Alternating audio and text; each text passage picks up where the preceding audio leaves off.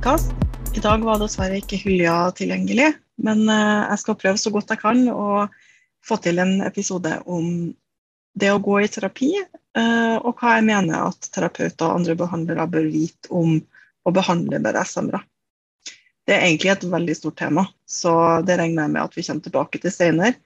Men uh, det her er i alle fall en start med noen poeng til uh, folk som kan møte BDSM-ere i jobben sin. En av de viktigste tingene å tenke på er at det er ganske mange som driver med BDSM.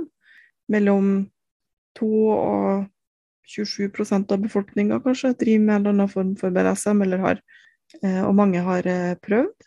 Det betyr at veldig mange behandlere kommer til å komme i kontakt med noen som enten identifiserer seg som BDSM-er, har det som en hobby, en interesse, eller i hvert fall har eh, prøvd og har noen erfaringer med det.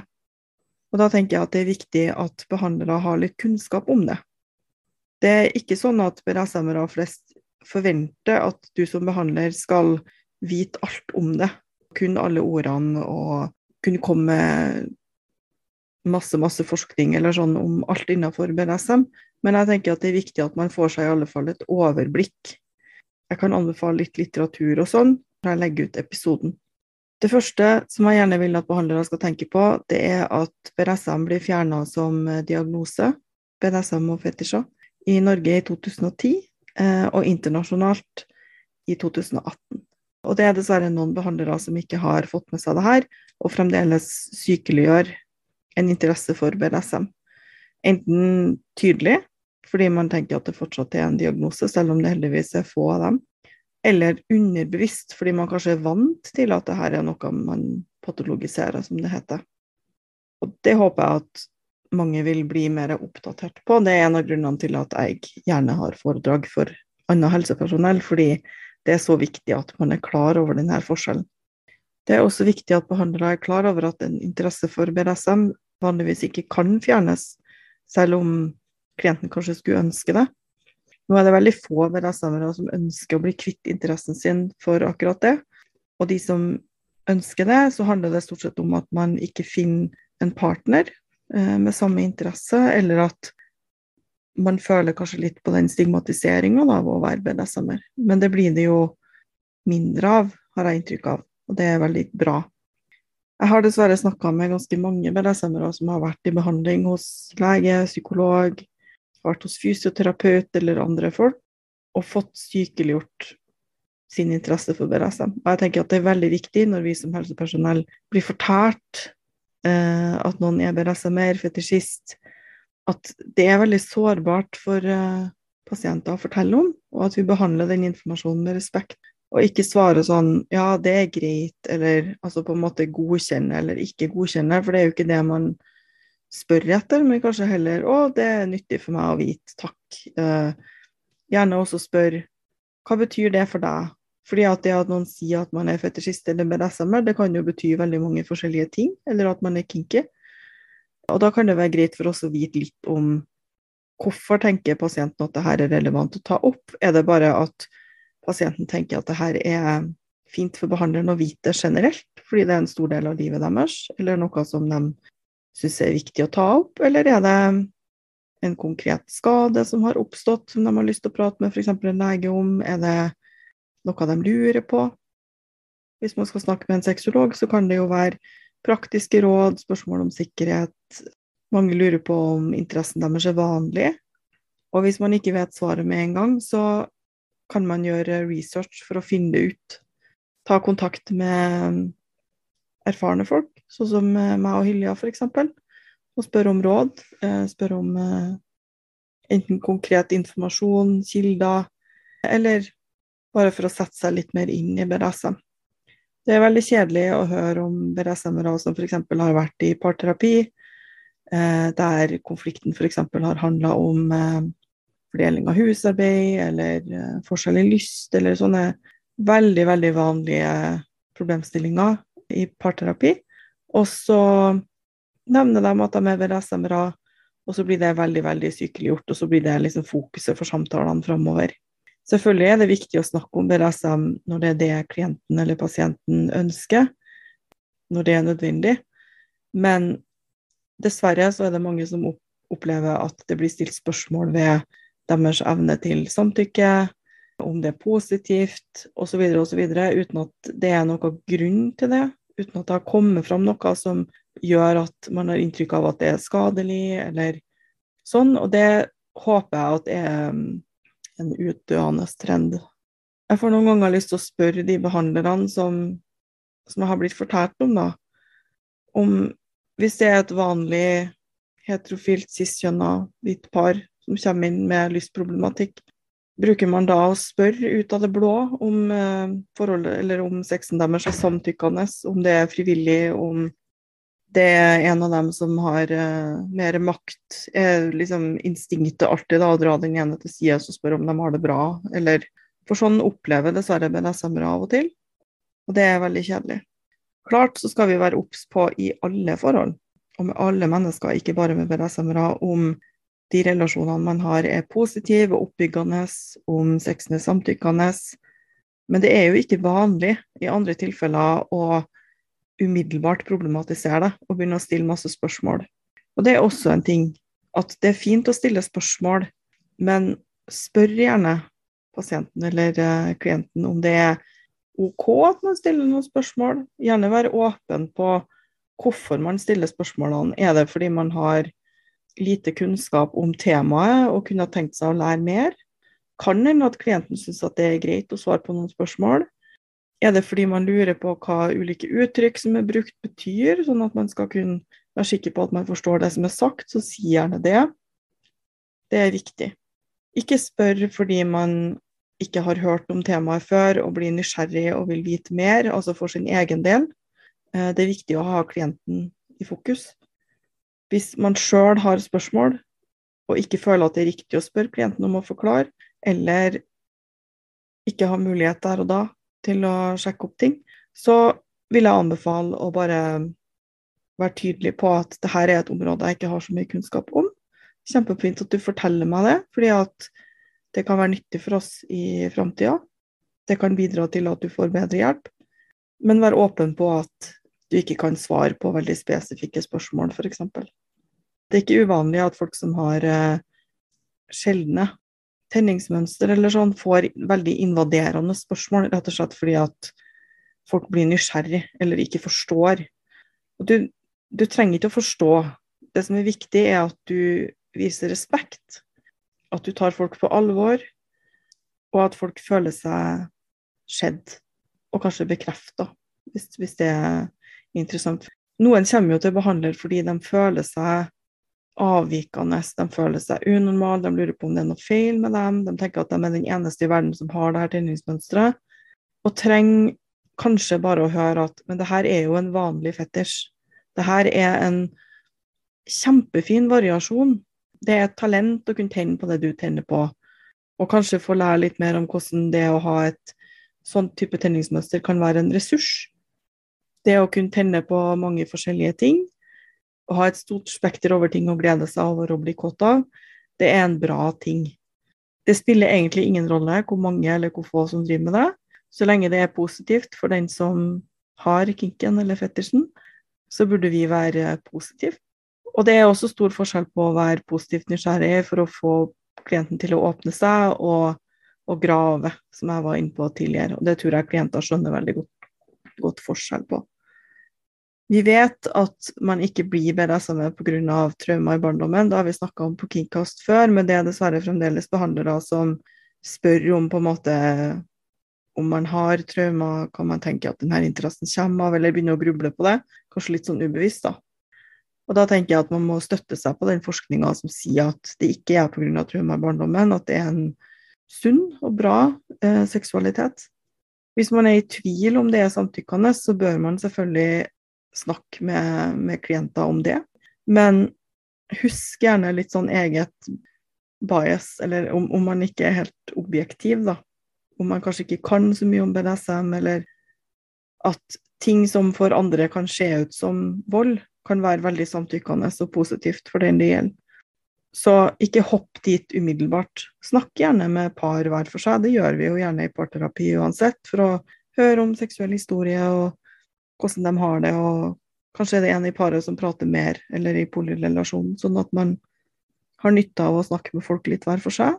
Men like mye fokus på kanskje hva som er positivt, eller hva de syns er bra med BDSM, og så se om det er grunn til å spørre mer, og tenke hva ville jeg ha gjort kanskje hvis det her var et par som ikke drev med BDSM? Er, er det her relevant? Vi vet at når BDSM-ere går til lege, så er det bare 38% ca. som sier at vi er kinky. Og det kan være selv om det er relevant. Og det er veldig trist, fordi det er jo sånn at all type sex, egentlig all, veldig mange aktiviteter i livet, innebærer jo en viss risiko. Og da er det viktig at en lege eller andre behandlere vet hvordan skaden har oppstått hvis man har vært uheldig. Den her vanlige historien når uh, folk kanskje har uh, brukt noe analt som de ikke burde ha brukt, som ikke har utvida bunn, da, er jo at liksom Å, jeg datt på den, eller Oi, jeg satte meg på den ved et uhell, eller det, det, har kanskje ikke kjempestor betydning, da, men det er ofte bedre å bare være ærlig. Og så må man være tydelig på det, at ja, det finnes noen har fordommer mot BDSM, men jeg har ikke inntrykk av at det er et stort flertall.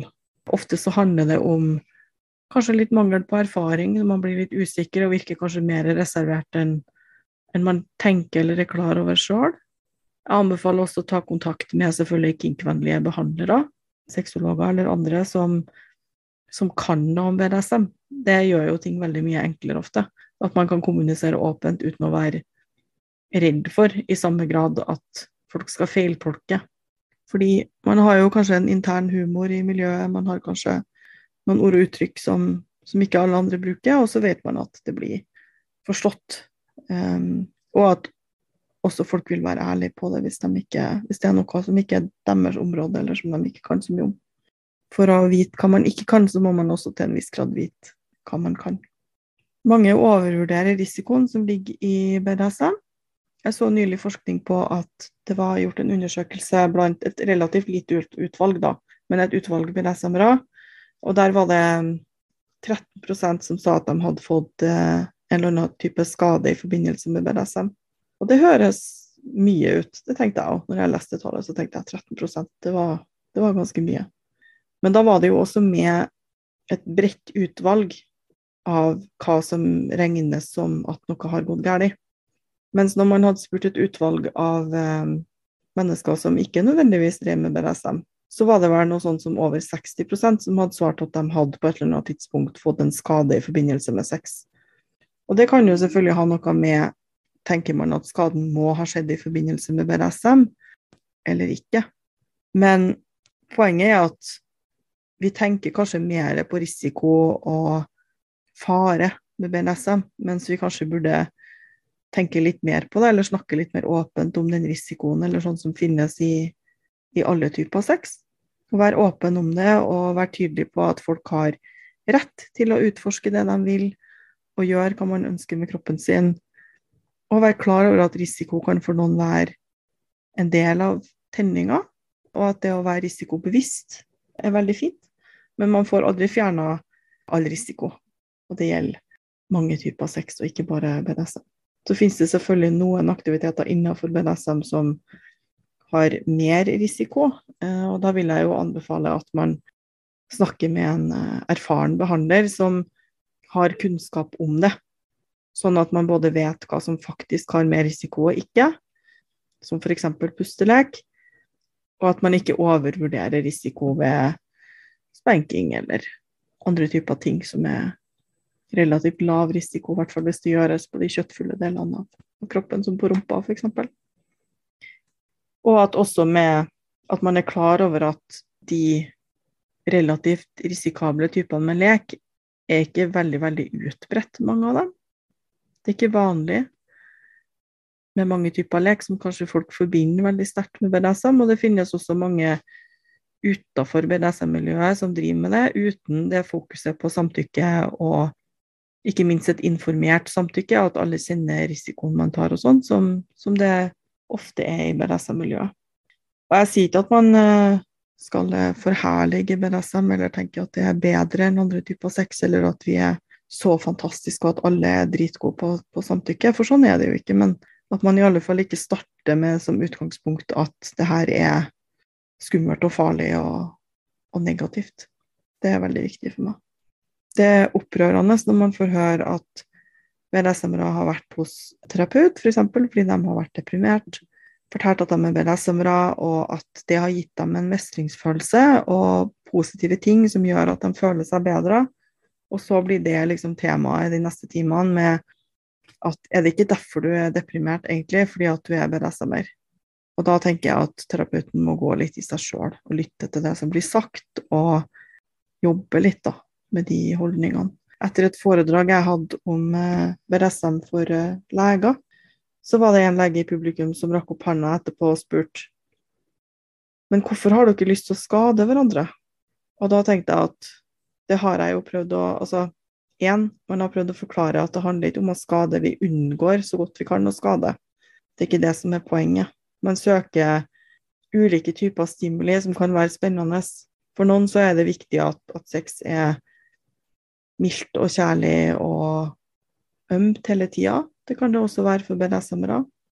Ikke alle som leker med smerte eller maktforskyving eller sånn.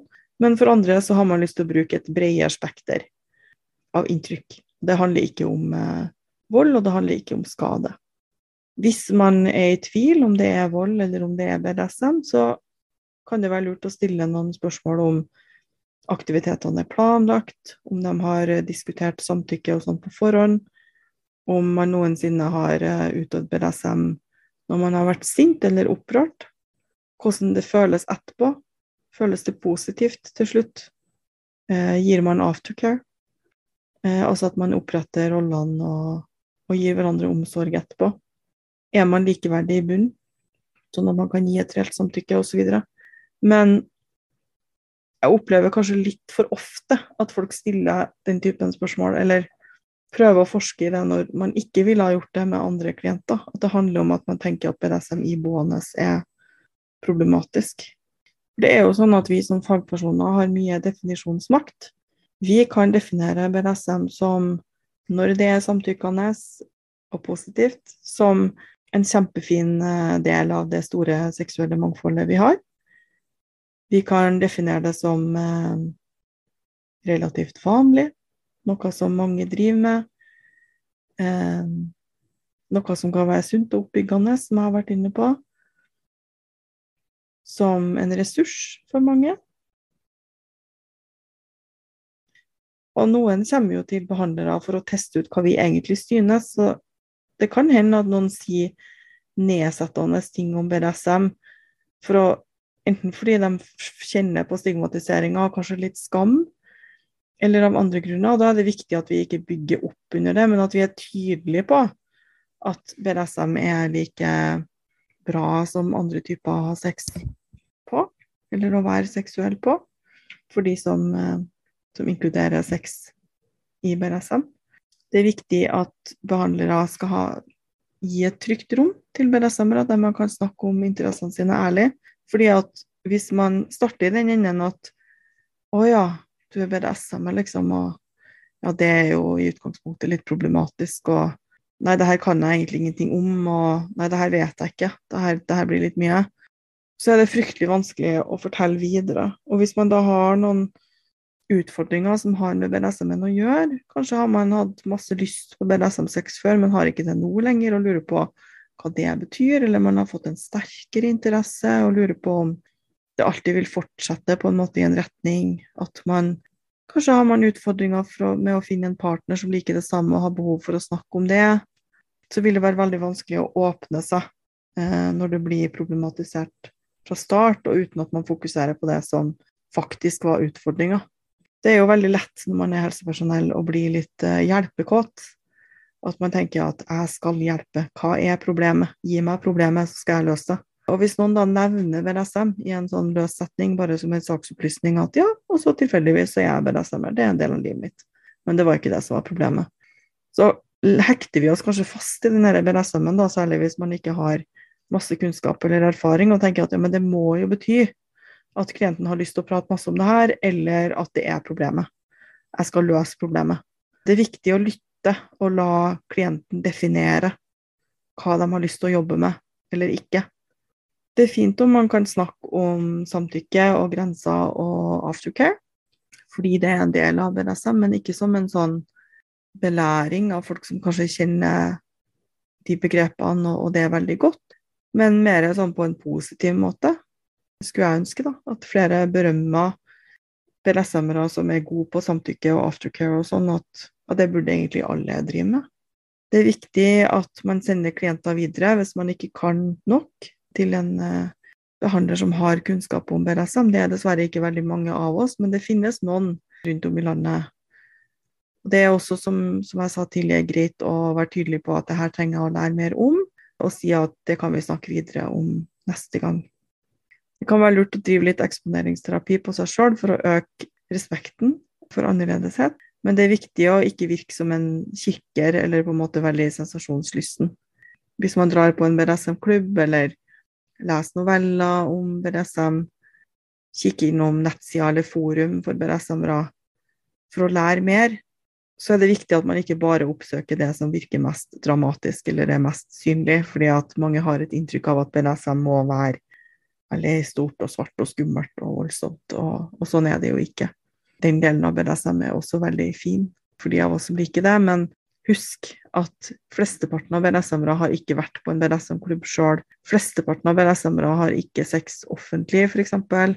Det er kjempebra å gå på BDSM-klubb eller å ha sex der når man har lyst til det, men ikke ha det som utgangspunkt at eh, hvis man sier at de er BDSM-er, så betyr det at man også er ekshibisjonist, elsker gruppesex osv., osv., fordi sånn er det ikke kan være greit å nevne at BDSM ikke er noe man må gjøre, fordi man har jo vært borti klienter som føler at det er en ting man må huke av på lista, som er litt sånn usikker på hva man egentlig syns om det. Og da trenger man ikke som behandler å, å, mene så veldig mye om det, men man kan jo minne om at kanskje BDSM har vært mer synlig i media i det siste, og at det er jo en, en kjempefin uttrykksform for uh, seksualitet, men at det er jo på ingen måte obligatorisk. Og at særlig hvis man føler at folk er litt usikre, så få dem til å snakke litt om hva det betyr for seg, og kanskje det er en annen del av BDSM de har lyst til å utforske enn den de i utgangspunktet har prøvd. Kanskje tenker de at det finnes noe sånt som ekte BDSM, at man må drive med smertepåføring, eller at man må gjøre ditt eller datt for å være BDSM-er. Og sånn er det jo ikke, og da er det viktig at vi får uh, rydda opp i det. Det er også viktig å tenke på interseksjonalitet, fordi vi vet at interseksjonalitet påvirker hvordan man behandler mennesker i terapi også. Vi vet at f.eks. Eh, melaninrike mennesker eh, opplever gjerne mer motstand når de forteller om en interesse for BDSM eh, enn hvite. Vi vet at eh, mennesker som også er polyamorøse eller, eh, eller skeive i tillegg, eller skeive på andre måter enn å være BDSM-er, da, kan oppleve at samlinga av eh, flere ting som kan medføre stigma eller eh, en følelse av annerledeshet, gjør at det kan bli vanskeligere å få behandling og finne riktig behandler osv. Det er veldig viktig at vi som behandlere hjelper til med å fjerne det stigmaet og fjerne en del av de misforståelsene som finnes eh, rundt det. Det virker også som at det at kvinner i større grad opplever å få stilt negative spørsmål ved sin kinkinteresse enn uh, en menn. For å bøte litt på det, så skulle jeg ønske at det var mer om kink og BDSM i ulike typer utdanning. Jeg bidrar gjerne med det. Og at man trenger ikke å kunne alt, men man trenger i alle fall å kunne hvor man skal henvende seg for å finne mer informasjon. Og det å ha litt kunnskap, sånn at man vet i alle fall hvilke områder man ikke burde begi seg veldig tungt inn i, er bedre enn ingenting. Nå tror jeg jo på ingen måte at det ligger noe vond vilje hos eh, behandlere som dessverre har eh, gitt klienter dårlige opplevelser, men det gjør det jo bare enda viktigere å få spredd denne informasjonen, sånn at folk ikke uforvarende påfører folk negative opplevelser uten at, eh, at, de har ment det i det hele tatt. Og det vil gjøre ting mye lettere for de av oss som er BDSM-ere, å oppsøke behandling hos lege, hos fysioterapeut osv. Det hadde vært veldig fint om hvis han gikk til fysioterapeut og sa at bare så du er klar over det, så har jeg noen merker på kroppen. Jeg har kanskje noen blåmerker osv. fordi at jeg driver med BRSM. Det er samtykkende. Jeg syns det er positivt. At da fysioterapeuten sa OK, og så fortsatt behandlinga, istedenfor at man blir stilt mange, mange spørsmål om det var frivillig, kanskje invaderende spørsmål, som er helt unødvendig.